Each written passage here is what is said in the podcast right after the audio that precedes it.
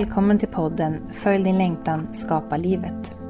Med denna podd vill jag djupdyka i vår skaparprocess. Hur vi skapar våra liv med lätthet genom att lyssna på vår inre äkta längtan. Att gå från ord till handling, även om man känner rädsla. Jag kommer bjuda in olika personer som älskar att vara i skapandet.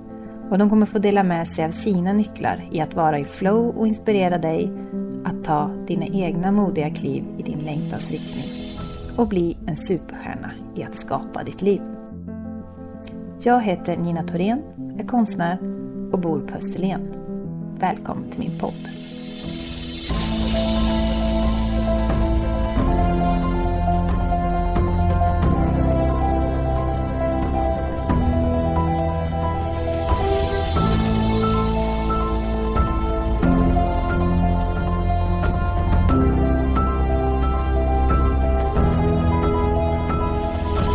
I detta avsnitt gästas jag av sång och artistcoachen och KBT-terapeuten Sofia Lilja.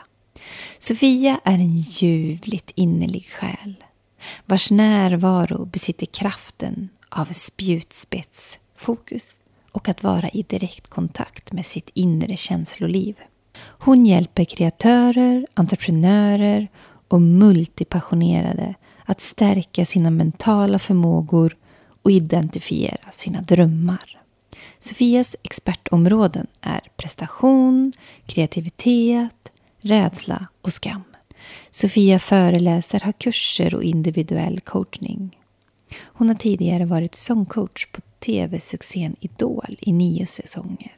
Vi pratar om att musik och sång är en portal till vår inre värld. Att i din rädsla bor din längtan skillnaden mellan skam och skuld. Och vilka fem mentala förmågor behöver du för att lyckas kunna komma till avslut? Det och mycket annat får du nu ta del av. Välkommen Sofia Lilja till Följ din längtan, skapa livet. Tack Nina. Alltså jag älskar den rubriken. Mm. Följ din längtan, skapa livet. Mm. Sofia, vad älskar du? Vad jag älskar? Att få möjlighet att eh, skapa min verklighet, älskar jag. Jag älskar den här miljön vi sitter i. Du är ju på min, eh, min mottagning på Söder. Jag tittar ut över Kinnaviksberget i fönstret här fram, framför mig så ser jag ljusen. Jag älskar också att skapa miljöer som eh, hjälper mig att leva inifrån och ut. Och jag måste säga att jag tror att jag har hittat ja, men, hjälpsamma metoder. Bara för att sätta scenen lite. Jag har ju redan gråtit en gång. Och då har vi inte ens börjat. Nej, och för mig är det... det, är, eh, ja, men det är ett tecken på att jag känner mig trygg, att jag känner mig bekväm. Och framförallt att jag känner mig väldigt närvarande. Och att mina känslor får vara med. Och det älskar jag. Autentisk i din både skörhet och styrka. Ja. Mm. Och det, det, är också det jag jobbar med. Ja, men jag, gjorde ett, jag tog ett aktivt beslut väldigt tidigt. Eh, kom ihåg på gymnasiet, vi pratade lite grann nu innan, så här, vart kommer du ifrån? Och vi kom in på, du, du började prata om gymnasiet och, och, gamla vänner. Och jag kommer ihåg Sofia som, eh, när jag gick gymnasiet och eh, ja, men jag hade en sångpedagog som var fantastisk, men jag upplevde då att hon nog saknade att sjunga själv. Det var i alla fall min upplevelse där och då. Jag kan ju ha haft helt fel.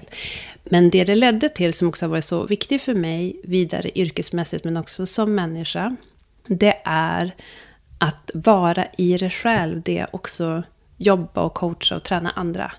Att jag också får vara med och att jag också, viktigt att vara i ett skarpt läge, att vara i mitt kreativa flöde, att vara i min sårbarhet, min kraftfullhet. Då hade jag inte språk för det. Utan det var bara så här, jag ska hela tiden också vara i det som är viktigt för mig. Och då var det ju sången. Och det är någonting som, som apropå när du säger så här, sårbarhet och kraftfullhet, att vara i kontakt med det, med tanke på att jag är, mitt jobb är ju att hjälpa människor att komma i kontakt med det. Och då upplever jag av min erfarenhet att det är så otroligt viktigt att jag också vågar vara i kontakt med det. Så när jag faller i gråt, när, och i tårar när du, vi börjar prata om så här, ja men, jag börjar berätta om att vi bodde i ett hus för ett tag sedan och odling och helt plötsligt kände jag bara hur mitt inre bara, blir helt eh, skör. Så känner jag bara yes, jag är här. Mm. Och jag älskar det. Jag älskar mm. att få vara här. Mm. Och nu tillsammans med dig. Det känns så fint. Jag har längtat efter det här så länge, även om inte jag har träffat dig personligen. Man känner av mm. dig genom bara att ha tittat på din live eller eh, i din text, mm. i din blick. Alltså man ser ju liksom att du utstrålar ju det här i dina ögon. Så att man eh, blir ju, man känner ju så här, åh vilken fantastisk människa. Men kör! nu kommer jag gråta igen. men Nina, så vackert beskrivet. Tack snälla. Det är verkligen min djupa längtan. Mm. Och det har ju inte alltid varit så att jag har vågat vara helt med. Jag blir um, väldigt berörd av det. Mm. Fint tack. Mm. För att du speglar mig. Ja. ja. Den här kärnan då. Det här ehm, det som är viktigt för dig. Vill du um, knyta ihop det lite. Mm. Dina kärnvärden. Absolut. I yrkesmässigt så jobbar jag som sångartistcoach och KBT-terapeut. Och eh, jag jobbar egentligen med fyra expertområden. Det låter så fancy. Men det är också det. Det är på fullaste allvar. Och då är det kreativitet, prestation, rädsla och skam som är mina fyra områden. Jag har inte bara plockat dem ur en hög. Men jag har varit så här, i, olika lägen i min eh, karriär, rent så här, företagsmässigt och som entreprenör. Och vad är det egentligen jag gör? Och vaskat guldet. Och så bara, ja men det är de här fyra. Så bara, det är ju ganska stora, omfattande spelare. Men det är också de som jag möter hela tiden. Både i mitt eget liv, men också i processen med mina klienter. Och i vissa fall så är det med fokus på, jag tänker här i rummet där vi är, så är det piano, det är mick, men det är också fåtöljer, det är ljus. Ibland är det mycket i kreativitet. Ibland är det mycket kring görandet. Men ibland är det också kring vad det är som driver och jagar oss. Och i mitt liv så har ju på något sätt skam varit en ganska stor del och prestation. Och det är viktigt, min erfarenhet är att det är viktigt att få förståelse för oss själva. Och eh, både för mig själv men också i mitt arbete med andra så har jag märkt genom åren att jag verkligen så här, I mean, det började egentligen när jag började som nyutbildad sångpedagog. Jag kanske jag kommer inte ihåg, typ 22.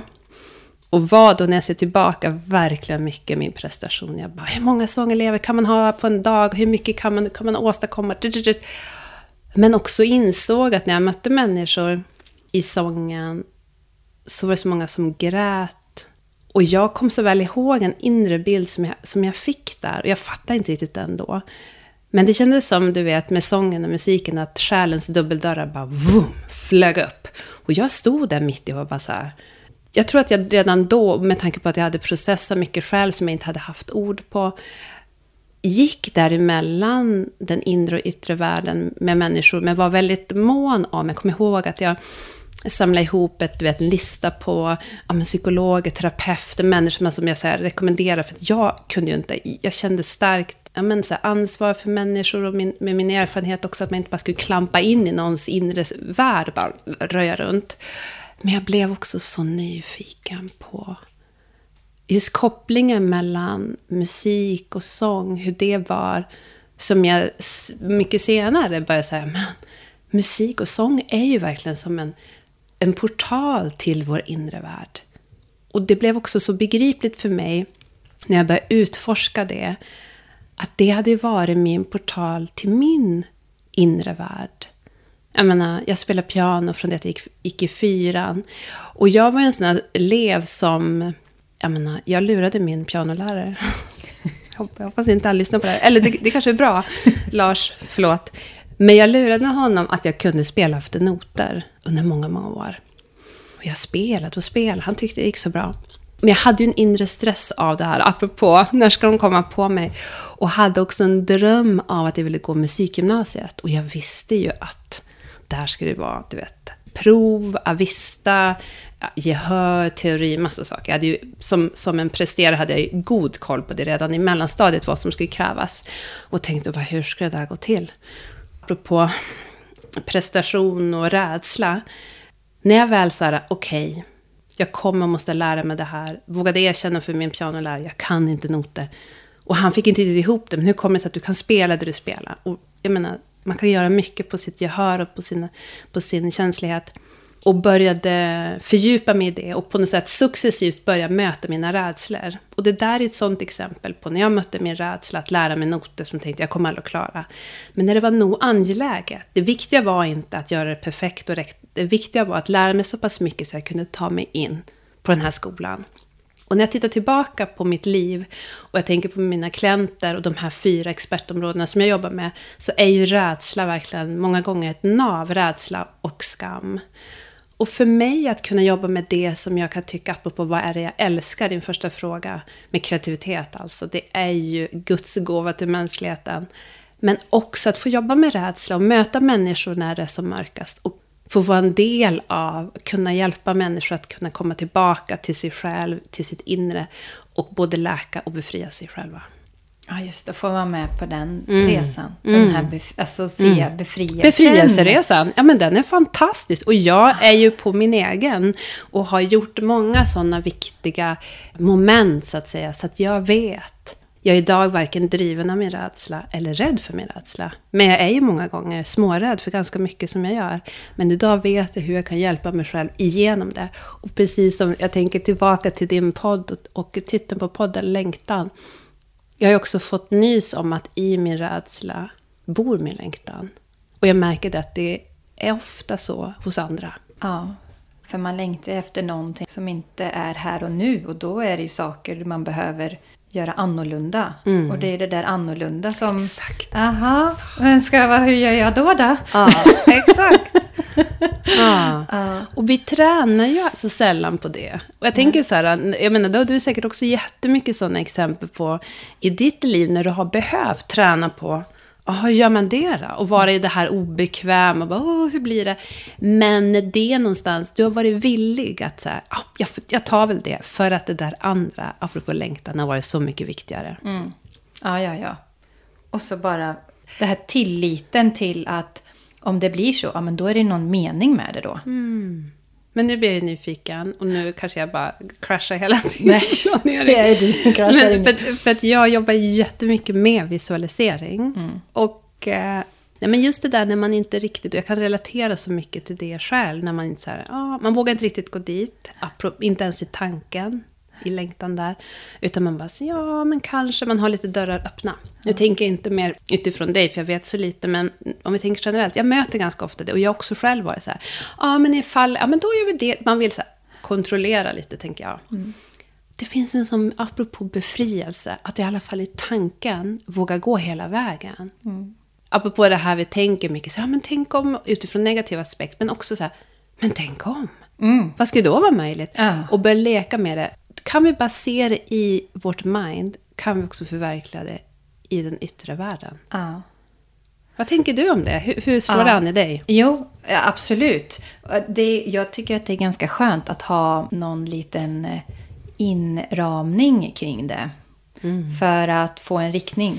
Men jag, har, jag tror jag har tränat upp min tillit. I och med att jag jobbar väldigt intuitivt i mitt måleri så tränar jag varje dag på att släppa taget för att jag vet att om jag bara målar på mina impulser mm.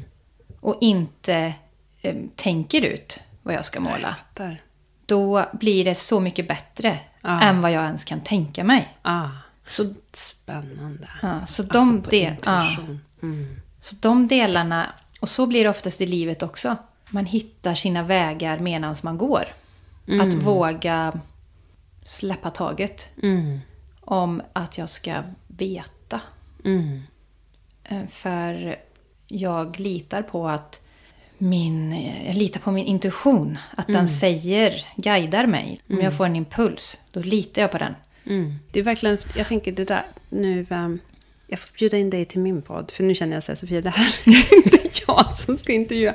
Men just det där ska jag gärna vilja prata mer om. Ja. För det jag tänker för mig då som är så här nörd i att konceptualisera, alltså met- metoder, är ju två olika metoder vi pratar om. Och det där var intuitivt och med sina sinnen och släppa mindet och vara mycket mer somatisk, kroppslig. Sjukt spännande. Det blir ett annat avsnitt. Det blir ett annat avsnitt. Får, det får du lyssna på i Sofias podd. Vad heter den podden? Den heter Session med Sofia. Ja, Lämpligt fantastiskt. nog. Mm. Ja, underbar. haft dina rädslor, du har haft din skamkänsla och att du har jobbat dig förbi det. Liksom, Även om det kanske hälsar på lite smått. Så har du nu då verktyg. Ja. Ta oss med på din resa. Från början. Ja, absolut. När jag tänker tillbaka på min resa så kan jag ju se att musiken då har spelat en sån grundläggande spelare i mitt liv. Och när jag var i musik, jag menar, bara lite kort då, backstory. Eh, Min mamma brukar berätta om när jag stod i köket som tvååring mina blöjor. Och radion stod på och den här fantastiska sångerskan Maria Callas röst ljuder genom hela köket. Och då som mamma beskriver att jag som tvååring bara var helt stel och bara stod stilla hur länge som helst och lyssnade. Och musik och sång framförallt har alltid drabbat mig. Jag har andra exempel på, som jag kan så komma ihåg, upplevelsen när musiken drabbade mig. Så här, det var någon serie mina föräldrar såg och vi hade eh, tv nere i gillestugan i källaren. Och jag kunde ibland, jag kan än idag känna känslan, du vet när jag kanske var fem sex år, hur jag bara "Åh! Jag måste bara spela in det här och bara sprang upp till, då hade man ju då mm, en sån här liten bandspel, jag kommer ihåg man skulle trycka på två knappar för att spela in och jag bara tjom upp i trappen och så vom ner, jag kan höra mina snabba steg och spelade in och sen kunde jag lyssna på den här musiken om och om och om igen. Och faktum var att nu då när vi, apropå flytt och hus, gick vi igenom allt och hittade jag den här lilla, jag kommer inte ihåg, du vet, vinyl, eh, äh, LP-skiva fast den är små som singlar. För det var en fransk serie som jag och min mamma när jag var lite äldre såg. Och den musiken där. Jag blev helt, vi var helt rörd av minnet av den musiken. Och då kommer jag knappt ihåg det. Intressant var apropå det somatiska kroppen. Kroppen minns. Och jag kunde då lyssna. Och det här blev ju för mig verkligen portalen till min inre värld. Jag fattade inte det då.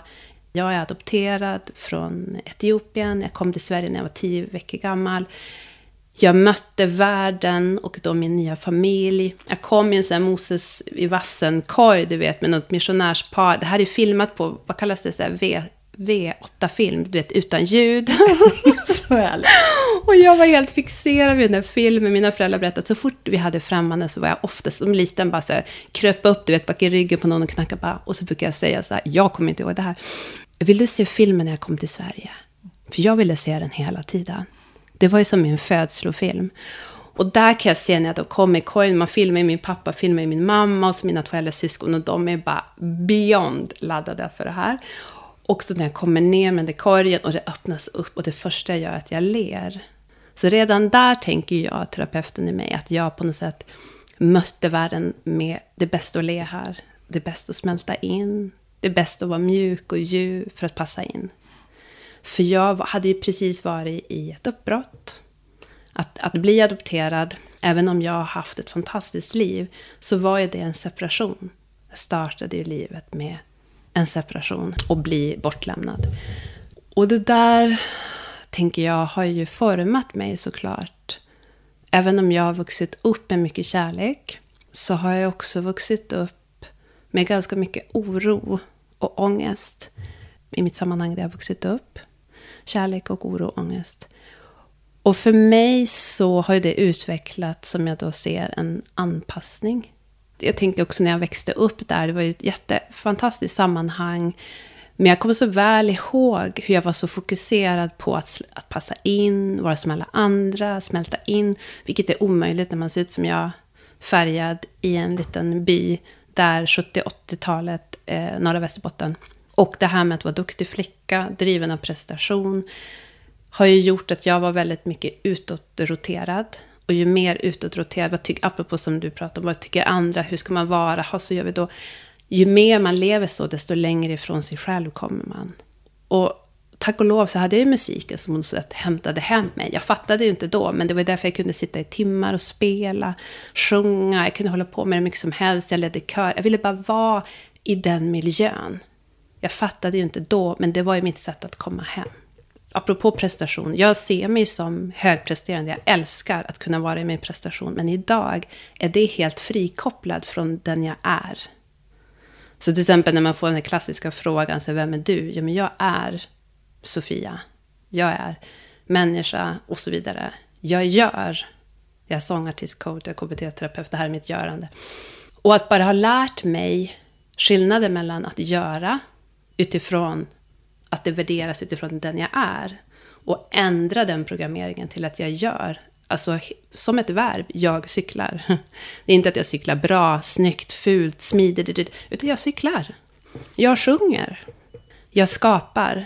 Har ju blivit en sån, apropå befriare. Det som jag någonstans vill knyta an till, just det här med, men kan du inte ta med oss med på din resa? Och det som har varit ett viktigt ögonblick i mitt liv apropå befria mig från min rädsla. Och just vad rädslan, vilken enorm kraft rädsla har på oss människor. Och då i det här fallet på mig. Jag hade någonstans känt att jag inte var i närvaro. Jag fattade inte då. Men när jag tänker tillbaka och ser texter jag skriver och dagbok och så, så är det det jag ser. Jag söker efter mig själv. Fast jag inte förstod det då. Och jag möter ju människor som kommer till mig som söker efter sig själv. Och jag tänker att vi har ju en hel industri, jag tänker kopplat till personutveckling, med människor, en hel värld som söker efter sig själva. Men kommer bara längre och längre bort från sig själva för att man ska, ja men, det materiella och passa in och nu med sociala medier, vad gör hon, då måste jag också, man måste göra fortare, mer och mer. Men egentligen är det det här, one, du vet, man pratar om wanting more. Jag tänker att vi, vi, vi är wanting more of ourselves. Och för mig då, apropå den där förnimmelsen, det är som någonting jag har glömt. Jag kommer ihåg, att jag pratade med min man när vi väl möttes, jag var så i det här. Och så vart det dags där att ta steget att, eh, med längtan efter ett barn, bli gravid. Och jag vart ju helt överlycklig när jag vart gravid. Shit, vad fort det gick, va? Och sen vart jag helt livrädd. Va? Ska jag föda ett barn? Hur ska det gå till? Och just det där var ju så otroligt också skrämmande att det var i min kropp. Och det var så här, det var ingen annan som bara, kan inte du göra det? Kan vi hjälpas så? Hur blir det här? Utan det var bara, ja, det är jag. Och jag tänker idag att jag hade ingen, apropå som du pratade om Nina så fint, tillit. Jag hade ingen tillit till min egen förmåga. När jag på något sätt var i närvaro. Jag hade full tillit till att prestera, göra, okej. Okay. Och det där mötet med mig själv och då rädslan för att föda och inte klara av det och vara helt, känna sig helt övergiven, hjälplös. Men också längtan efter barnet. Och där började jag, jag kommer så väl ihåg när jag började så här, för då var det ju så här, okej, okay, hur gör man det här? Apropå hur gör man? Jaha, man ska gå en kurs. Okej, okay, jag drog med mig min man och han bara, ja, let's go. Okej. Okay. Och så bara så här, jag kommer ihåg också en barnmorska jag mötte, jag tror jag läste hennes bok jag tror att den kan heta föda, föda utan rädsla. Någonting med rädsla. För jag fattar, jo, jo, jag vet, jag är livrädd. Kan vi inte prata om något annat? och så när jag insåg det så, ah, okej, okay, det är det här. Det är rädslan. Vi måste möta rädslan. Och då blir det ett, ett projekt. Men jag kommer ihåg att jag lyssnade på en meditation. Det var nog första gången som jag började fördjupa mig i meditation. För jag fick en skiva med några andningsövningar och meditation. Jag kommer så väl ihåg. Jag minns, jag sitter i carporten. Jag lyssnade, tyckte om att lyssna på det här i bilen. För då kunde man, vet, ju större jag blev, desto mer obekvämt blev det. Och luta sig bakåt. Vi hade jättesköna du vet, sköna stolar i bilen. Och så var det så bra ljud och så kunde jag bara skapa min bubbla. Det blev nästan som en, du vet, bilen blev symboliskt, tänker jag nu, som, som en livmoder. Och sitta där och andas mig igenom. Jag kommer ihåg en fras, för varje andetag så kommer du ett steg närmare mötet med ditt barn.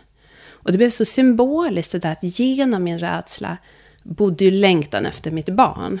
Och där började jag tänka så här, vänta nu.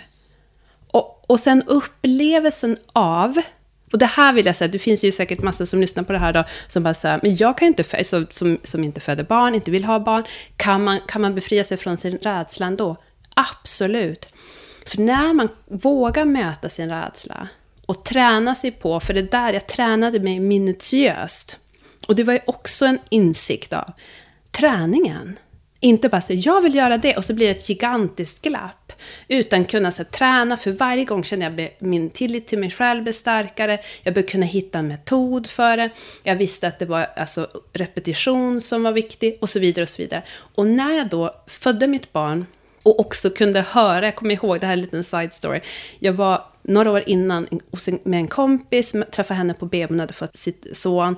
Och jag kände så här, men det är som en bra exponeringsövning i alla fall. Gå där. Och så kunde jag höra, jag kommer så väl ihåg, jag hörde något ljud. Och jag sa det till då barnmorskan som ledde mig till min kompis rum. Jag bara, vad var det där? Hon bara, ja men det är en kvinna som föder. Och jag kommer så ihåg, jag tänkte, måtte jag aldrig låta sådär. För det var skrämmande för mig. Men det där var ju någonting som jag vävde in då i min rädsloträning där inför förlossningen. Och när jag hörde mitt egen urkraft kände jag bara yes! Att jag var fri. Och efteråt jag hade fött mitt barn så kände jag bara så här, här finns en nyckel alltså. Tänk om jag skulle vara lika metodiskt med andra saker jag vill. Tänk om jag skulle vara lika modig, lika fokuserad. Alltså hela den där, det blev som ett koncept för mig. Vad kan jag översätta det här på mer i mitt liv? Och sen dess har jag hållit på med rädsla och längtan hela tiden. Ah. Apropå längtan efter till, till, du vet, mer av sig själv jag tror att det är på något sätt nedlagt i oss. Att vi, och också i tillsammanskraft, det tycker jag var så fint när vi möts, jag känner mig trygg med dig och vi har haft kontakt och så vidare. Att också, både med oss själva men till varandra, att vi, också det är nedlagt att vi ska befria oss själva och befria varandra. Men det, jag tänker just det här att det är, så, det är så många människor, jag inklusive, som saknar tillit till oss själva och vår egen förmåga. Och jag vill verkligen nå ut med det. Jag tänker apropå när du frågar så här, vad är din kärnvärld? Att nå ut med det att vi kan träna oss till med varsamma myrsteg, att komma hem till oss själva, att stärka vår egen tillit till vår förmåga och så, på så sätt frigöra vår kraft. Men det är ju en sårbarhetsträning, att mm. våga vara sårbar inför sig själv. Men det befriar också vår kraftfullhet. Ja, men ju mer gånger du har utmanat dina och rädslor mm. så blir ju, stärks ju tilliten. Ja, du pratade om det här med föda. Mm. Så man, måste ju, man känner sig ju helt oövervinnlig. Och så är det med alla andra saker ja. i livet när man väl har gjort någonting. Så, ja. Och då nästan när man väl har gjort det, då tycker man ju att det är easy peasy för att man har ju... det är ju den där långa resan Exakt. som är det jobbigaste. Ja. Men sen när man gör det, då är det så här, jaha, då är man redan på nästa grej. Ja, exakt. som är så här, känns lite, mm, aha, okej. Okay. Ja. Men jag tycker att det där är så coolt. Det är därför jag älskar just att jobba med rädsla. Och jag tänker också med skam, att våga... Alltså vi pratar alldeles för lite om det. Men vi skulle behöva få verktyg för att förstå vår egen skam och skamkänsla och rädsla. Och, och hur vi kan på något sätt vagga oss själva till trygghet för att våga precis gå den där vägen. Och kunna se att det som, inte för att förenkla verkligen inte, för det är på fullaste allvar, men det handlar ju om träning, själslig träning. Men det är ju så lite vi pratar om det och, och är i, samtidigt som det påverkar allt. Allt vi gör. Sätt oss in i skam. Ja, men faktum är att jag kommer göra en serie i skam, för det är så pass komplext mm. och viktigt mm. i min podd. Så mer om det. Så jag ser det lite som en liten en, en, ja, en kortis. Ta en teaser. Ta en liten teaser här. Ja. Nej, men skam är ju egentligen, man pratar om så här, skillnad mellan skam och skuld. Skuld är ju det, mer utifrån det vi gör, skam är utifrån den jag är. Och skam är ju i grunden en affekt som någonstans säger, men gör du så här då får du inte vara med. Så det finns ju någonting positivt i det. Jag tänker som, som ett litet barn när den börjar bita stora syster i axeln och mamman säger så, så där får du inte göra älskling för det gör ont på stora syster. Då blir hon ledsen och förklarar. Då kan ju barnet känna en liten skam. Så, hm, hmm, var, vad, hur blev det här? För man får en känsla i sig själv. Och då är det viktigt för mamman då, eller pappan eller vem det nu är, att säga så här du var sugen kanske på gosa eller det, det, är ingen fara, men det är bara viktigt så att du förstår. För att vad vill du egentligen? Vad vill du uttrycka med det där? Och hjälpa barnet ur den här skamkänslan. Och kunna förstå att, aha, det är inte jag som det är fel på, utan det är det jag gjorde. Jag ska inte bita, du kan jag hellre pussa den på kinden. Eller, jag vill vara i kommunikation. Och just med skam är ju då att man får den här känslan. Oftast handlar det om att man någonstans inte man vill krypa under täcket, man vill inte vara med, man vill inte visa sig. Det kan te sig på så många olika sätt. Det kan också bli att man lägger det på andra och blir väldigt utåtagerande. Så det finns olika sätt, man brukar prata om så här skamkompass, olika sätt hur man hanterar, reagerar i upplevelse av skam. En del stänga in sig, vill försvinna, inte vara med. Andra blir utåtriktade, aggressiva, riktade utåt. Den tredje blir att man ska dölja det genom att vara helt knasig. Eller, ja. Så det finns jättemycket uttryck, men det jag vill någonstans stanna till vid är att genom våra liv på olika sätt, om vi upplever skam som på något sätt inte blir utrett, så att säga, att man får hjälp av att förstå känslan. Så där självkänsla ska flytta in, flyttar istället skammen in. Så när man kommer i kontakt med sig självet så är det skammen man upplever. Och då, varför jag jobbar med det är ju att oftast då när man människor som är, ja, men har nått kanske ja, men framgång eller som har massa gåvor som vi alla har, men ändå upplever en, en inre tomhet eller utmaningar. Många gånger så är det skammen för att det är det man hela tiden kommer i kontakt med. Man kan inte tillgodose... Shit vad kul att du tyckte det var, att det var bra. Jag tyckte det var toppen. Jag hade jättekul. Du vet som ett barn när visar en teckning till föräldern. Istället för att kanske säga så här, vad snyggt eller vad bra. Hur var det för dig? Det var så kul när vi satt och tecknade här, Så, du, du, du, du. Oh, vad härligt. Jag ser att du, det hela du lyser. Du hade det härligt. Ja, det var underbart. Om vi inte lär oss på något sätt vara i vårt varande med hela självet. Och det här är något som sker i utvecklingen. Att så här, det här är jag, vi blir autonoma, vi blir trygga, vi blir speglade av vår omgivning och stärkta i vår självkänsla. Så här får man vara mot mig, så här får man inte vara mot mig. Ah, jag blev faktiskt ledsen när du sa så här, våga och träna oss till att förstå vårt eget känsloliv så blir det många gånger skammen som på något sätt sköljer runt i vårt inre, som vi inte riktigt kan förstå. Jag har ett exempel på med min son, när det, när han, för skam är ju någonting som, som i grunden är normalt, helt rimligt. Och jag såg på honom när han, men han var nervös, han kände sig obekväm. Och då kan det lätt bli nästan som en skamkänsla. Jag vill inte gå på fotbollen och alla är mycket bättre än mig och jag vet inte. Och istället då för bara så men nu har vi faktiskt betalat en hel termins avgifter. Nu ska du gå. Tänk att du alltid ska. Och då än mer skamma han för hans upplevelse. Hjälpa honom i så här, känns det jobbigt? Känns jättejobbigt. Och, och, att han får vara i det och lära han att processa, förflytta sig känslomässigt i det själv. Inte vara ensam i det, jag är med honom hela tiden. Men successivt låt, validera hans känsla och sen, men vet du älskling, fotbollen är inte förrän ikväll. Och nu är klockan åtta, vi ska gå till skolan vad tror och så hjälpa honom att ta sig ett steg, ett myrsteg i taget, ta sig till skolan. Och hans känsla är helt adekvat.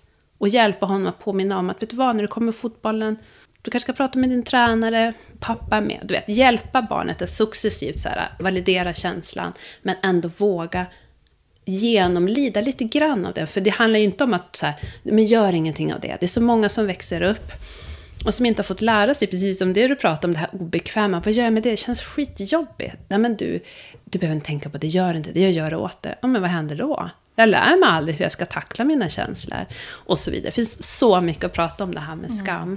Ja, eh, så det var en liten, mm. en liten ja, intro. Tack, tack för det.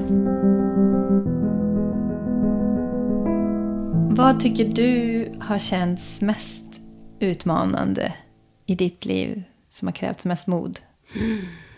Mm.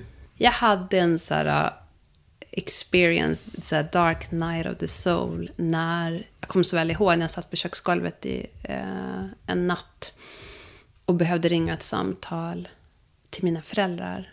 Jag tänker tillbaka till det här med separation och, och så här, äh, ja men bli bortlämnad. Där jag och det var en lång resa fram till dess. Men jag kommer så väl ihåg att det handlade om det som på något sätt själv, det bara skällde i min själ. Vad, är så här, vad händer om de inte tar emot mig i det här? Men jag måste. För jag hade tagit emot mig själv. Och jag behövde säga saker till dem där det var så här. Vad händer om, om inte de tar emot det här? Och, och för mig var det som ett slags, det var bara som en, som ett hål men det, det som var så, så fint och som, som jag också kommer ihåg den där natten var att jag, det var inte längre avgrundsdjupt för att jag hade famnat mig själv. Jag var inte längre själv. Och jag var inte längre rädd för så här, vad gör jag då apropå, att, apropå tillit till min egen förmåga. Men det var ändå så smärtsamt, för det fanns ju en risk. Mm. Och jag var tvungen att behöva ta den risken för att stå vid min, vid min egen sida och det fina var ju då, och det känns ju bra i efterhand, att de, för dem var det så självklart att ta emot det. Så det handlade egentligen inte om mina föräldrar, egentligen. Utan det handlade om min egen rädsla. Och att få ha gjort den där resan där, apropå komma hem till sig själv, av så här, apropå gränssättning, det är det jag egentligen pratar om nu. Om man har levt och vuxit upp där man kanske, ja men gränserna har varit ganska utsuddade och det har varit vad andras behov har varit viktiga. Vilket jag ofta möter hos människor som är högpresterande och som vill mycket. Att man någonstans så här, men att man är, så här, man pratar mycket om people pleaser. Och att bara kommit till den punkten av att säga, nej men det här är mitt liv, det här är min kärna, det här är min sanning. Här går mina gränser. Det här jobbar jag med varje dag. Det är inte så att man vaknar morgonen och bara säger I got this, nu ändrar vi allt bara. Det är lugnt. nej, nej. Utan jag behöver skapa den här kartan, den inre kartan, om och om igen. För att mina gamla inlärda beteenden sitter ju sjukt starkt. Det är så jag levt ett helt liv. Det är därav den här självvården. Och jag tänker att det som jag ser som är grunden i så här, man pratar om self-care. Men jag tycker att man ibland missar på något sätt vad som egentligen är poängen. Det handlar inte om att göra mer, utan det handlar om att etablera det inre och sin inre karta. Och det ska jag nog säga var ett så riktigt vägskäl den stunden och också det här eh, att befria mig från rädslan att föda.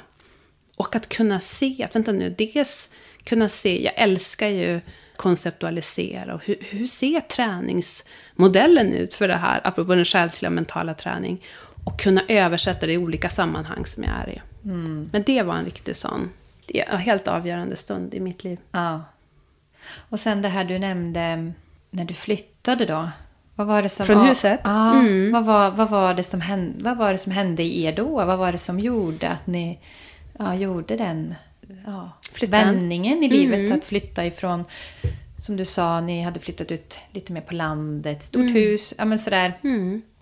För det är väldigt många som fastnar där och mm. inte gör den där förändringen som ni ju ändå gjorde. Mm. Att välja att flytta in till stan. Mm. För ni bodde i stan först eller? Och sen flyttade ni ut? Eller Nej, liksom? vi bodde, jag och min man träffades och då, sen, och då flyttade vi ut. Med längtan efter livet, så här, hus och barn och så. Och faktum var, var, svar på din fråga var ju att vi flyttade ju in till stan egentligen av liknande anledning som vi flyttade ut från stan. Och det var ju längtan efter mer, alltså skapa mer tid, alltså mer kvalitativ tid. Och då var det mer så familj och, och, för barn att växa upp och så nära hem, alltså hus och trädgård och sådär. Men nu var det också att flytta in till stan för att också skapa mer kvalitativ tid för familjen och ha nära. Fast nu var det mer så här, skola, aktiviteter, jobb och så vidare det var det, alltså att skapa mer tid. Och det där är något som jag också är väldigt nästan fixerad vid. Så här, alltså konceptet tid och vad vi gör med vår tid och hur kan jag skapa mer kvalitativ tid och äga min tid istället för att tiden jagar mig. Den är ju...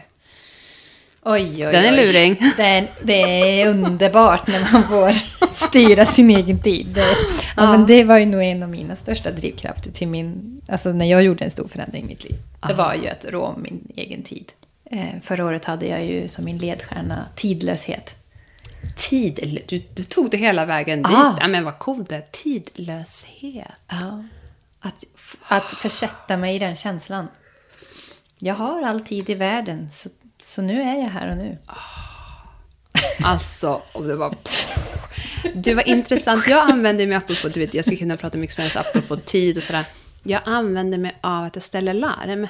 För att jag vill uppnå eller skapa det du beskriver tidlöshet. Jag har inte tänkt det som tidlöshet, men för att, här, att kunna vara helt fri. Mm. För en del kan säga, gud vad mycket larm där, blir du inte stressad? Jag bara, det är exakt det jag inte blir. Det är, för att det, är som att ha en assistent. Ja, just det. Som bara knackar på axeln och bara, älskling, nu är det dags att avsluta. Jag behöver inte tänka på det, utan då kan jag bara helt förlora min närvaro. Mm. Så det är... Mm. I'm with you. Mm. Mm. Men det, precis, det gör ju det. Att då slipper du ju hela tiden ja, nej. bryta av dig ja. själv liksom och kolla. Precis. Oh shit, har jag, nu har jag 20 minuter kvar. Ja. Och då, för, då förstör ju du de sista 20 minuterna. Exakt. Då har man ju halva foten ut ja, genom dörren. Eller hur? Exakt. Mm. ja, men nu vill jag gå in lite i din skaparprocess. Mm. Om vi går in när du skapar dina mm. kurser. Från uh, första frö till dina vänner. Alltså du vet, man, mm. man är i sina vändningar mm. till varsågod, här är mm. min kurs. Ja, Från det till det. Nej, men jag ser det som att det är olika. Jag tänker just den här, ja det här är ju spännande alltså. Den kreativa processen är för mig någonting annat än den produktiva processen.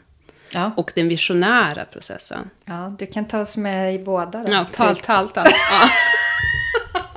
Vi börjar med den visionära kreativa. Ja, precis. Nej, men då är det ju... ehm, jag... Eh, alltså, för att vara konkret, jag älskar att det ska vara konkret. Jag använder mycket av alltså, post-it-lappar, alltså skissa, skriva. Jag använder mig mycket av röstmemo, att prata, alltså prata igenom det med mig själv. Och jag vill säga det till dig också som lyssnar, för att om jag hade lyssnat på det här när inte jag hade fått fatt i min längtan, hade jag bara fastnat i så här, du vet, de praktiska delarna. Och de praktiska delarna för mig, det vill säga, vad skriver jag på postet, vilken ordning gör jag, när spelar jag in, när skriver jag mina mejl, gör jag min funnel, det är så mycket svårare för mig innan jag hade fått fatt i vad är det egentligen jag vill säga. Vad är mitt budskap? Vad är mitt mission egentligen i det här? Om man då tänker sig utifrån så här produkt, om man tänker kurs. För varje ny kurs jag gör så blir en mer så här, du vet jag skalar löken, så jag blir än mer tuffare i mitt tilltal, än mer tydligare, än mer så här, för att jag än mer se, känner, lär känna min målgrupp, jag lär känna än mer mig själv, jag blir än mer frimodig att på äga min röst. Så det tänker jag är ju också det här, det vackra i att så här, komma djupare och djupare in i sin sanning.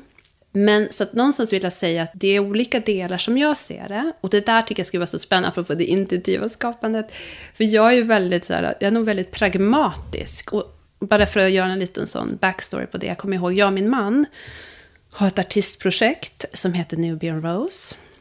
Och eh, jag har alltid velat göra musik och skriva musik. Och så har jag suttit här vid det här bordet med klienter som har kommit och gått och som jag har hjälpt du vet, frigöra sin kreativa förmåga. Och så har en liten röst viskat, men alltså, hur kommer det sig att du inte kan hjälpa dig själv? Hur går det med de där låtarna? Och jag bara, Shh, vi tar det sen. Ah, gör det sen. Och så kommer jag ihåg att jag satt här vid ett ögonblick för ett antal år sedan. Och så var det en klient som gick och hade fått ett litet breakthrough. Och jag var så knäckt över varför kan jag inte hjälpa mig själv? Och för mig blev det så tydligt, och det här är en lång eh, historia, och vill du veta mer om det kan du höra om det i min podd. Men det som blev tydligt för mig, apropå den kreativa processen, jag har varit, som jag sa då, så driven av min prestation. Som till exempel när jag och min man har mötts i ett kreativt skapande på kvällarna där vi bodde ute i huset, i gårdshuset, vi skulle skapa musik till vår platta. Han helt kreativt fri, alltså han är så fri i sin kreativitet och du vet, intuitiv och bara är i det. Och jag var, som jag inte förstod då, så i min prestation. Så jag var ju mest irriterad och arg. Och idag kan jag ju förstå att jag var ju ett stress och hotpåslag. Så att jag behövde ju på något sätt hjälpa mig själv att dels bli medveten om att nu ska jag vara kreativ. För mig var det viktigt att kunna så här, skapa lite höjd i min energi. När jag ska åka hem, att inte helt köra mig själv i däck. Utan kunna spara lite till min kreativa stund där hemma. Och det märker också många människor jag möter, att är man i hot och i stress så är det svårt att vara kreativ. För kreativitet bor i trygghet. Det är många som, som har åstadkommit mycket under hög press, att absolut, men när man på något sätt vill vara i, som jag upplever lite, du beskriver det här äh, fria, där man tappar tid och rum och man upptäcker nya saker, man är i ett utforskande, så behöver man också vara i någon slags trygghet. Kan du relatera till det? Mm, absolut. Mm. För att vara konkret, kreativ process. För mig är det viktigt att hitta, då jag pratar om portaler, där jag kan förflytta mig från det här stress och vara mycket i mitt huvud till att vara kreativ. Musik är en fantastisk sån eh, eh, portal. När jag är ute och springer, också en sån portal. Alltså förflytta mig i ett kreativt tillstånd. Och för mig handlar det om att förflytta mig tillbaka i mitt inre. Det kan vara att ligga på yogamattan och göra lite vridningar eller andningsövningar. Det kan vara vad som helst. Det kan vara att tända ett ljus. Det kan vara att låta du vet, blicken flyta ut och bara titta ut. Ja, det kan vara vad som helst. Och någonstans när jag jobbar med människor på det här, att hitta sin eh, kreativa space. Så istället för att söka så här, hur gör du? Fundera på, när känner jag mig fri? När känner jag mig lätt?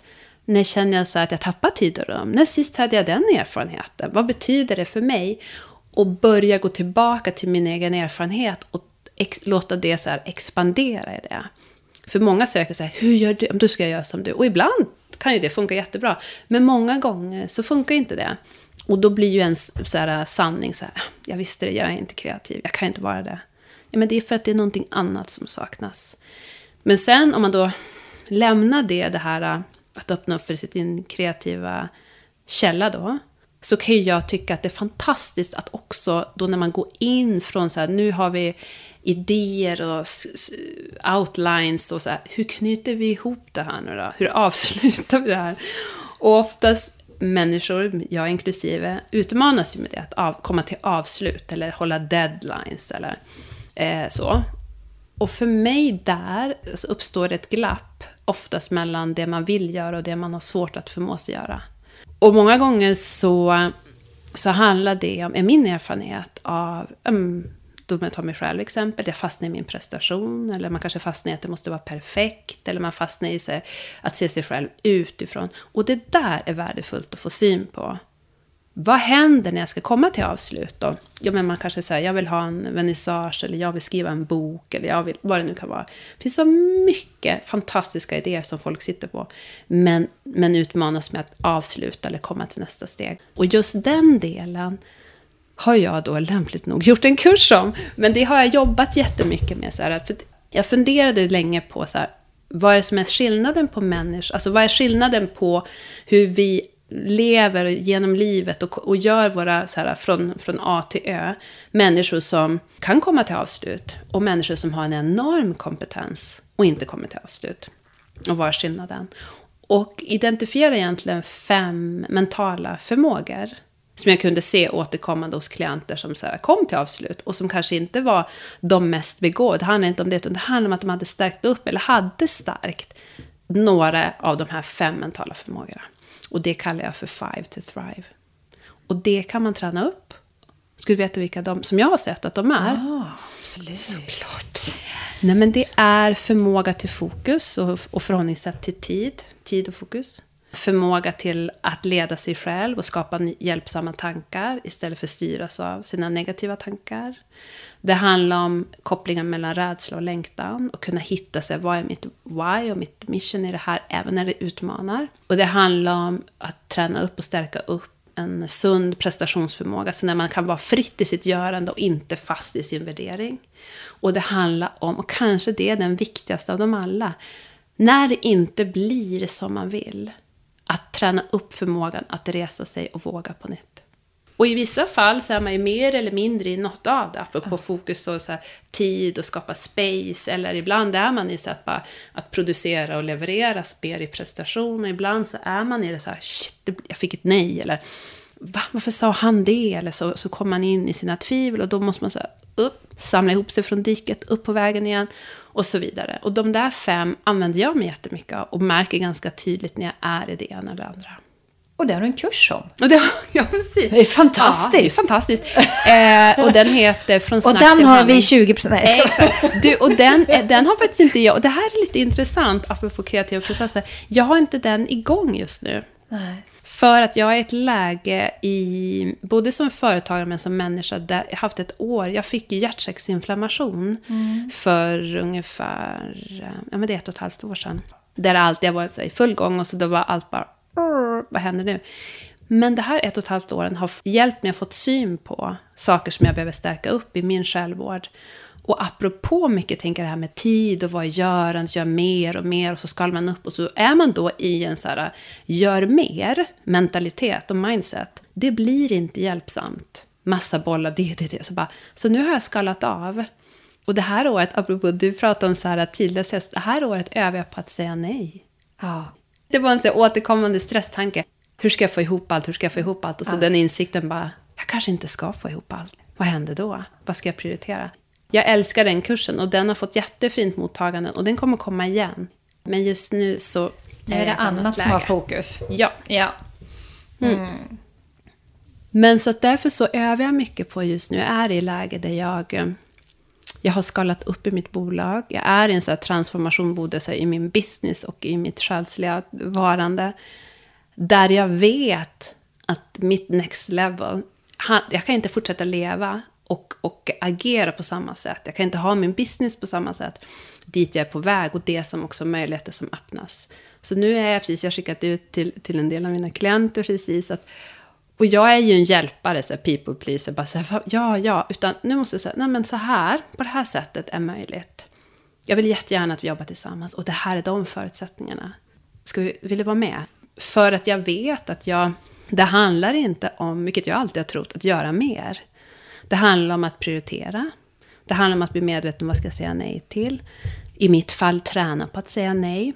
Och då inte få en skamsköljning på något sätt i, i mitt inre av så här, nu blir någon arg på mig, nu får inte jag vara med, allt, allt det här gamla. Utan att kunna säga nej med tydlighet, jag behöver inte förklara mig.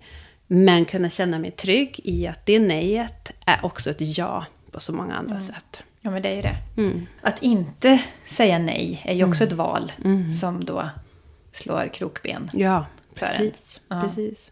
Jag tänker också både som kreatör men också som entreprenör. Hur otroligt hjälpsamt det är att jobba med sitt inre. För det är ju som jag sa inledningsvis, allt det vi gör härstammar ju hur vi på något sätt är inifrån och hur vi kan hantera och navigera oss i vår inre värld. Visst håller du på med ett bokprojekt också?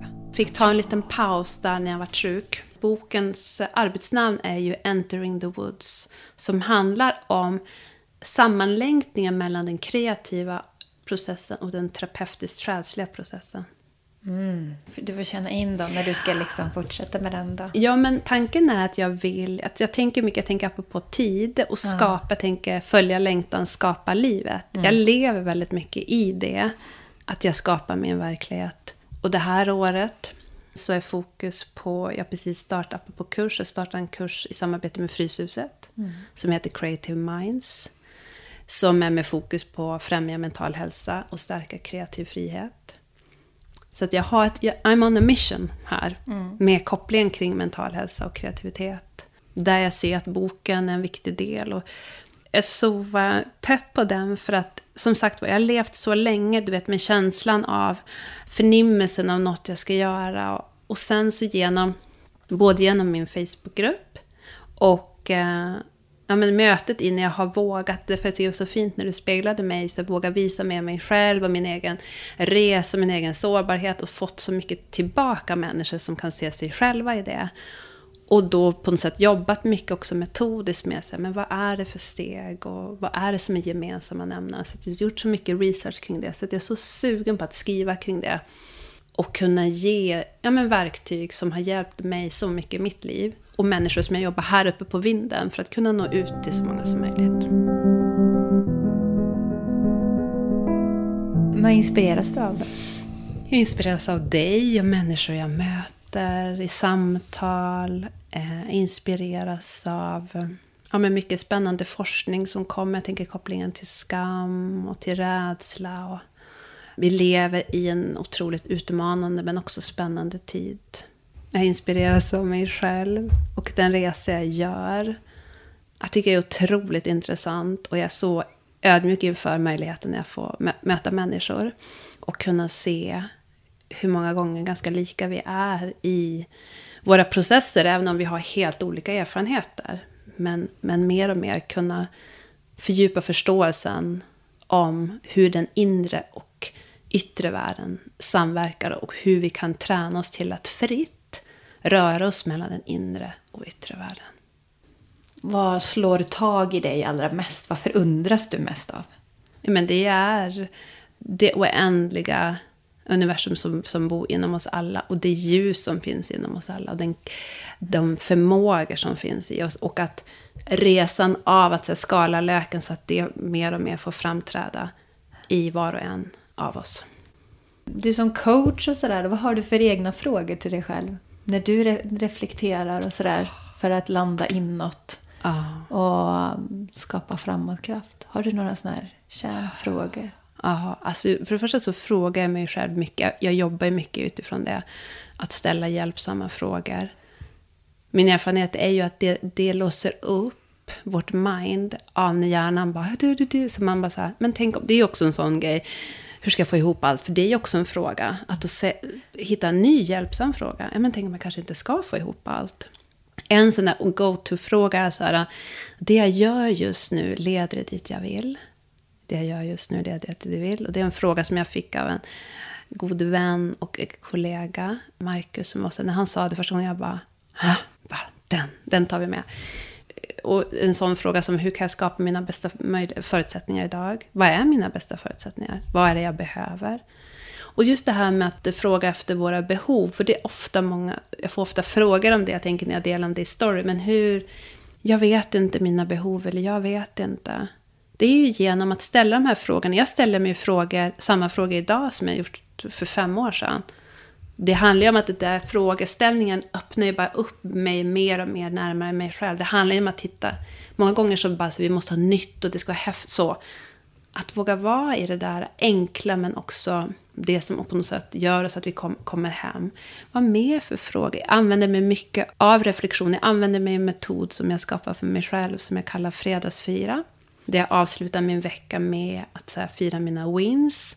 Jag le lever många gånger med känslan av vad blev det egentligen av det här? Vad, jag, jag har inte, nu vart det ju alltså utifrån ett så här negativt mindset, utifrån så här, vad har jag inte gjort? Så jag måste hela tiden påminna mig om vad, vad jag har gjort. Och inte för att, så här, ja, men du vet, att det handlar om att göra, utan det frigör också. Dels är det en massa saker i min hjärna, det frigör dopaminer och så här, feel good, så att jag bara så här, får ju sån en skjuts, apropå framåtkraft och bara möjligheter. Och, och också förundras jag många gånger av så här små saker. Jag kan bli så sjukt glad. Så till exempel om jag, när jag gör min fredagsfira, jag bara säger wow, jag höll verkligen mitt ord till mig själv om mina mellanrum. Alltså jag kan bli helt överlycklig av det, för jag vet att det gör hela skiftet. Än att jag bara säger, jag har fakturerat, jag har ringt den, alltså görandet. Utan jag kan se att jag har tagit hand om mig själv. Det är bara expandera då, att det är det jag vet att uh, det kommer göra hela skiftet. Så det här med, det är inte härligt att du frågar om det, reflektion alltså. Och, och då att bara skapa space för det. Mm. Jag är nyfiken på vad, nu, nu tar jag över här kanske. Men vad Nej. inspireras du av Nina? ja, men det, jag inspireras av mönster, linjer, ljus i naturen. Min känsla som skapas i mig när mm. jag är i det. Oh, wow. När jag känner av naturens närvaro som då uppslukar mig. Mm. Så att då blir vi i ett, typ. Yes. Det inspirerar mig. Och då är det nästan som att jag får den här känslan av att vi sitter tillsammans och andas. Vi mm. pumpar lungorna ihop. Mm. ja, om jag kan känna det och samtidigt, ja då blir det wow. Och, och, att då ge mig den närvaron att få stanna kvar i det tills det har sakta mynnats ut. Mm. Att vara här och nu närvarande i naturen, det är någonting som jag... Ehm, jag behöver inte ha så mycket mer i livet och så, typ. Ja. Wow, mm. vilken otroligt stark beskrivning. Och jag tänker just det här med andlighet, alltså. För mig har ju det här med närvaro och mötet med mig själv och andra, jag har ju en väldigt andlig dimension på det. För mig, det kan slås ibland av, för att jag har ju väldigt så här, jag har, jag har en stark tro och och ibland när människor frågar så här, ja men med din andlighet, jag bara så här, men det är så, det är så, apropå när vi andas och lungorna pulserar tillsammans. I det här andetaget och med livskraften, tänker jag, med det kreativa. Det är ju en väldigt så här, andlig närvaro. Och det är dit jag egentligen alltid vill, där vill, det är det säger, så jag vill inte ha, behöver inte ha med, det är där man vill, eller jag vill vara där. Mm. Och eh, det är det som jag tycker är så spännande med sånt här samtal. För att någonstans så vill jag ju vara i det, där jag förlorar mig, tittar ut genom fönstret. Jag, jag märker att mina tankar, så, undrar hur länge vi har pratat nu, hur länge så här, ja. hon kanske klipper det. Ja. Och att jag då så här, släppte, släpper jag bara, jag släppte. Ja. Och att jag bara tillåter mig ge mig hän och vara, alltså låta mig själv få, som vi pratade om inledningsvis, det hela jag får vara med det är också att vara i mitt andliga tillstånd. Och jag någonstans tänker att det är där vi egentligen är ämnade till att vara. Men vi lever ju här, här i världen. Mm. Och vi lever ju i en, ett, på ett helt orimligt sätt. Både så här, fysiskt, biologiskt, mentalt och själsligt. Och det är det jag tror vi många brottas med. Ja, att man ska försöka matcha in i allas mm. linjer och boxar och mm. vad förväntningar. Mm. Vilka personer tycker du har varit som mest stöd för dig? Min man. Jag sa ju det senast till han häromdagen. apropå fira, han gav mig en bukett där han så här, och så eh, ville fira med den här kursen. Och jag pratar ju så mycket om att fira, men jag glömmer många gånger att fira mig själv och mina egna åstadkommanden. Och, ja, men han har varit ett jätteviktigt stöd. Och människor som jag inspireras av så här, längs vägen. Jag tänker, jag inspirerades och lärde mig jättemycket när jag gick på min stress och smärtbehandling. När jag var i endometrios och utmattning. Jag inspireras jättemycket av Brené Brown. Jag inspireras jättemycket av Amy Porterfield. Man tänker så här, entreprenörs Mm. online um, så här, kurser och digitala kurser. Ja. Alltså jag har ju verkligen så här go-to beroende på vad jag ska göra. Men jag ska vara så här, du vet, eh, jag ska göra... Jag tänker när jag var mycket i mitt skapande med mina kurser. Då var det mycket Amy jag vände mig till. Och så här, folk jag, tar, jag väljer verkligen människor jag tar rygg på. Och i de senaste åren så blir jag än mer selektiv. Med, så här, så att, för det kan lätt bli att man tar rygg på någon. Och så bara, ja, och så hon, och så han, och så hon. Så, så nu är jag väldigt så här, jag har några som jag går till. Som, som, eh, som inspirerar mig jättemycket. Och det är de som jag har nämnt. Allt sen jag började med hela det här, jag med vidareutbildade mig till KBT-terapeut och psykologi. Det finns ju, det finns ju så mycket spännande böcker och studier. Och, ja, jag skulle kunna lägga en stor del av min vakna tid till det. Jag gör som olika djupdykningar, olika teman. Och då läser jag mycket om det och lyssnar mycket. Då är det så här dokumentärer. For, och så sen så går jag in i nästa fas. Och speciellt tänker jag nu till boken. Uh, för jag kan också bli så här, det finns så mycket, jag har ingen tid. Och då blir jag utifrån så jag har ingen tid. Och så blir det min Ja. sanning. Ja, Utan ja. så här, nej men nu, nu, nu skapar jag tid för det här. Och fördjupa mig i det. Men eh, det, är, det finns ju så många spännande, inspirerande människor som, som bär på så mycket klokskap och kunskap. Så jag är väldigt tacksam för det. Man vill bara tona in på någons energi. Men jag tänker också på det där med inspireras. Jag det är spännande. För att jag... eh, Ja, i perioder så... Som sagt var, det finns så otroligt många. Men i perioder försöker jag också stänga ner. För att här, det, jag kan tycka det blir utmanande att plocka in. Alltså jag försöker ibland så här, ja men om jag ska starta min dag, då kan jag vara, om jag ska göra något som jag vet, så här, prestationsmonstret bara morrar i knät på mig. Då kan jag vara så här, ja, men då, då kan jag behöva få in något. Eller så bara stänga ner och sitta tyst och titta in i ljuset. Men jag vet inte om du kan relatera till det. Att jag, apropå tuna in i folks energier, det, ty- jag gör också det. Men jag tror att jag har blivit mer och mer modig av att stänga av. För att jag har så lätt att tuna in. Så här, och apropå som jag beskrev, att så här, jag har fått jobbat så hårt för att skapa mina egna konturer. Så för mig har det varit viktigt att så här, först skapa min egen, egen kontur. Av så här, vad är viktigt för mig idag? Va, vad känns lätt? Vad känns svårt? Så att jag då vet, ja men då, då, då har på något sätt etablera mig själv. Och sen bjuda Sen in andra. kan man låta Mm. Jag har så många gånger gjort tvärtom. Ja, för då, är, ja, men då tappar man ju bort sig. Exakt. Ja. Nej, då, då, då är man ju inte här och nu liksom, Nej. i sig. Nej. Eh, bra, um, bra lyft. bra, bra. Kommer fingret där. Var lite ja, men på tal om böcker då, som du pratade om. Har du någon härligt boktips? Ja, men det har jag. Då ska vi tänka efter här. Den senaste boken som jag verkligen läste från perm till perm, Happy Days av Gabby Bernstein. Har du läst den? Nej, men jag har hört talas Ja. om... eh, Mm, henne. För den var väldigt... Dels tyckte jag om, apropå nu, jag läste ju den delvis också för att se lite hur hon hade lagt upp den utifrån så här, skriva bok-research. Eh, Dels tycker jag hon eh, är fantastisk på många sätt. Och eh, att det var en sån fin dans mellan både så här, ja, men så här hardcore fakta, blandat med hennes berättelser, blandat med så här, konkret eh, alltså, coaching och övningar. Så jag tycker att det var en väldigt så här, härlig dans däremellan. Så det ska jag nog säga är dagens boktips. Mm, underbart. Mm.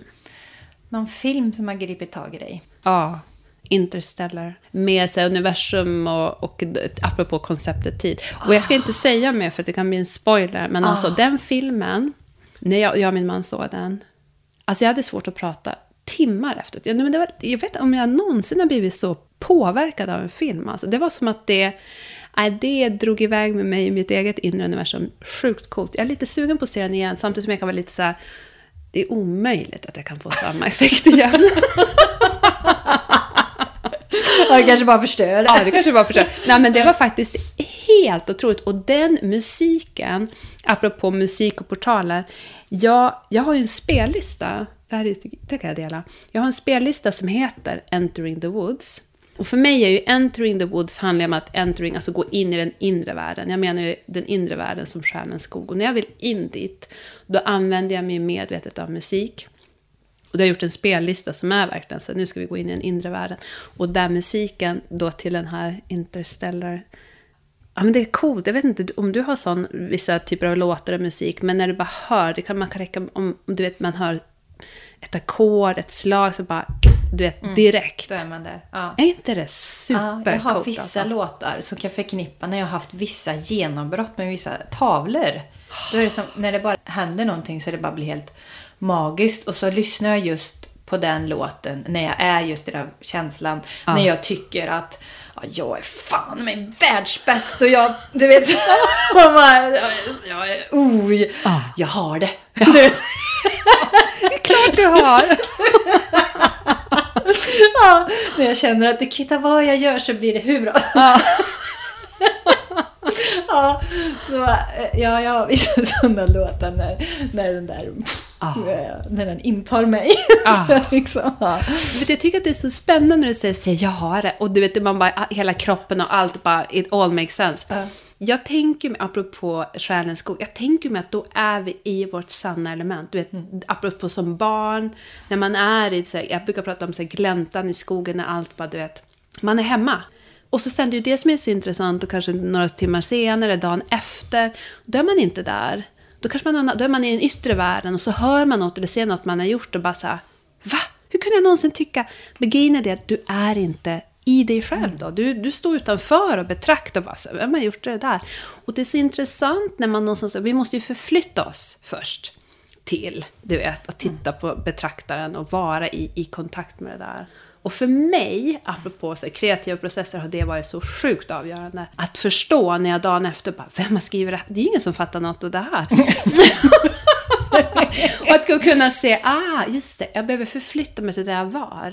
Och då kan jag börja göra så här, lite små kanske justeringar, eller så bara så här, det är kanon. ja, Let's det är go. bra. Ja, det är hur bra som helst. Ja, Mm. nej, men så är det ju innan jag ens börjar att måla. Då tänker jag ju på, på tal om visualisering då. Mm. Då försätter jag mig i minnen i mitt liv. Där jag känner de här känslorna jag vill känna. Det kan ju vara minnen självklart från en annan sekvens i någon Mm. annan tal. Alltså, vet, men även bara i livet. Så, så att den känslan intar mig. Ja. Och då blir det ju det uttrycket Ja. i tavlan. Ja, exakt. Skapar du på det sättet, det är din, det är din väg till det så att Ja, säga. det, är för, det första gör jag så. Exakt. Men du, det där är det när jag då pratar om visualisering, att man förkroppsligar det. Jag förkroppsligar en känsla jag vill ha i kroppen bara. Exakt. Och det, ah, det här, vet du vad? Jag fattar inte att inte alla bara helt nördar ner sig i det här. För att jag blir helt så här, kan knappt prata nu.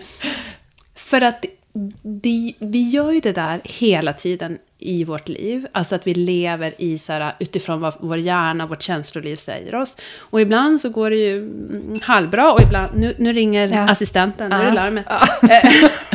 Har två frågor kvar bara. Nej, men, och, och så att vi gör, vi gör ju det, att vi visualiserar ju på det sättet redan omedvetet. Men tänk att ha den förmågan du beskriver, att kunna säga, jag vet hur jag ska göra. Förflytta sig dit och så inifrån och ut. Ja. Alltså det där, snacka om att få det på flaska, jag på att säga. Att kunna producera, det är, Ja. det är världens grej alltså. Ja. Det där, det där ska vi prata om i, i, i, min, i min podd. Vi tar en liten cliffhanger till den. Ja. Snart kommer den.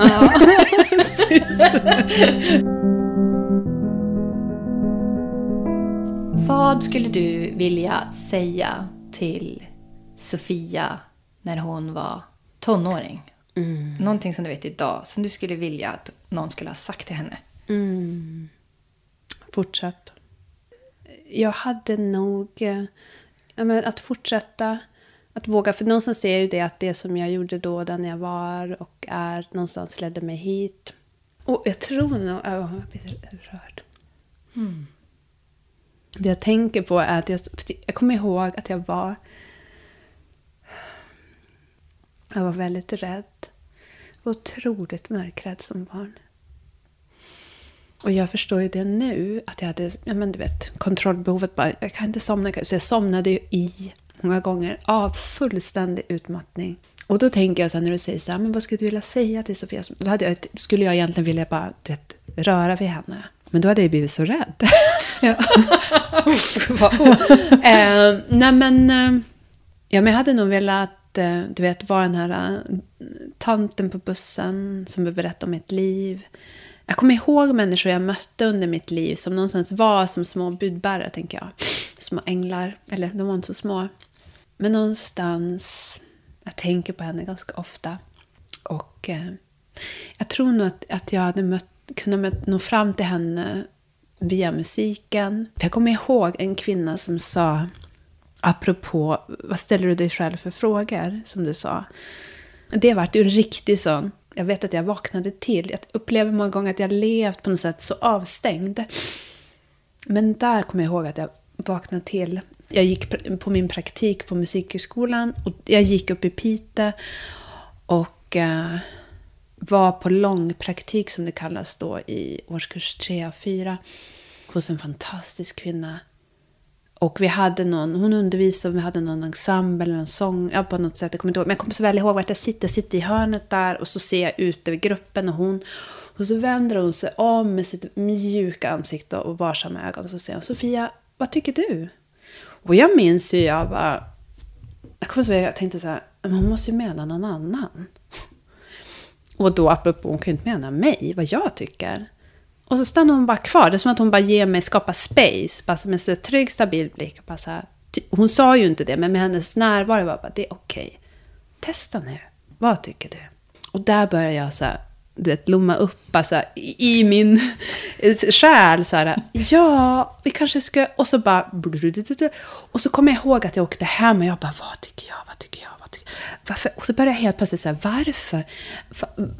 Det var, du vet, det var ju någon som tände lampan. Hon, tänd, hon dimrade upp ljuset. Vad tycker du? Mm. Och jag började fundera på, hur kommer det sig att jag gör det jag gör? Varför, varför gör jag det här? Och hur kommer det sig att människor gör de val de gör? Kom, och då började jag säga, varför sjunger jag på det sätt jag gör? Och så vart det som en, en, en återkommande så, frågeställning. Jag började leka med mig själv. Och apropå de här frågeställningarna, hur det öppnar upp vårt, vårt själ och vårt sinne. Hur hade jag låtit i min röst? Hur hade mitt uttryck, mitt autentiska uttryck varit om jag hade levt på en öde ö och aldrig hört någon annan? Utan bara du vet, varit i mitt eget uttryck och i mitt mm. eget skapande. Och det där förlöste ju någonting. Mm. Vem är jag? Och det är det jag idag jobbar med. Mm. Apropå när man kommer till mig som utifrån ett sångperspektiv. Ja, men jag kan inte det, jag borde kunna det. Så, älskling, vi ut, utforskar din röst. Vad är det som fungerar? När känner du dig självklar? När känner du dig stark? När känner du dig sårbar? När, vad är det du skulle vilja kunna som du har svårt för? Att här, börja här, ha utgångspunkten inifrån dig själv och ut. Och det börjar ju mycket med den frågan. Så tillbaka till, till din fråga. Just att, så här, att kunna känna att det är, så här, det är lugnt, det kommer ordna sig. Även om det känns svårt just nu. Och att någon så speglar även om det känns svårt just nu. Bara så du vet. Det kommer ordna sig. Och det du gör just nu är precis som det ska vara. Och du är precis som du ska vara. Så fint Sofia. En sista fråga om vi hinner det. Hon säger ja. Vad fint. Är om du har någon avslutande, avrundande nycklar som du skulle vilja skicka med lyssnarna? Nej, men det skulle vara att stanna kvar. Jag tänker prata om andetaget här och nu har vi pratat om. Och utforska frågan vad som har slagit an. Om man är kvar ända tills nu så, så tänker jag att det är något som har slagit an. Och har man inte fått fatt i det så är det så värdefullt att få det. Mm. Innan vi lägger, lägger på mm. vad som har slagit an i mig. I min erfarenhet både med mig själv och andra just det där att man, så här, man ska få med det, det, det. Och man är apropå mycket i, kanske i sitt görande. Men det här, vad än det är som har slagit an nu här. Det är, massa, det är saker som har slagit an i vårt samtal med mig. Och det jag plockar med mig. Om det finns något som jag låter få expandera i mitt liv idag. Det kan vara för mig har det slagit an det här med tid och mellanrum. Jag tänker ditt intuitiva skapandet och så här, vad är det för känsla jag vill ha. Så det tar jag med mig nu när jag ska möta mina klienter. Jag har en lång klientdag framför mig. Där jag älskar att jobba med dem och jag har längtat efter dem. Men det kan också dra igång i så här, vad, vad, vad var det du gjorde sist och nu ska vi så här, följa planen. Så vet jag att så här, vad är det för typ av tillstånd jag vill vara i när jag träffar dem. Ja, men jag vill vara där jag landar tillbaka i min kropp. Det jag hjälper dem att skapa ett tryggt space när de kommer hit. Hjälper dem att landa tillbaka i sin kropp. Våga packa upp det som har varit utmanande men börja kanske med att fokusera på vad som har funkat sen sist och vad som har varit hjälpsamt. Och att mjuka inre öga till oss själva. Men för att kunna hjälpa någon annan göra det så behöver jag först göra det mot mig själv. Så det ska jag säga. Att stanna upp i vad som har slagit an i det här samtalet. Och om det är något jag kan ta med mig och börja låta det få blomma. Mm. Tack Sofia. Tack för idag. Tack själv. så fantastiskt. Alltså, tack så hemskt mycket. Mm. Om du vill hitta mer om Sofia Lilja så kan du gå in på hennes hemsida som är sofialilja.com. Eller följ henne på hennes Instagram där hon heter Sofia Lilja. Ha nu en fortsatt trevlig morgon, dag eller natt. Vi ses. Tack för att du lyssnar på Följ din längtan, Skapa livet-podden. Är du nyfiken på mig och min konst? Konst som vill lyfta en känsla av längtan, ursprung och urkraft. Allt hittar du på min hemsida ninatorenart.se. Så fint att du har hittat till min podd. Vi hörs!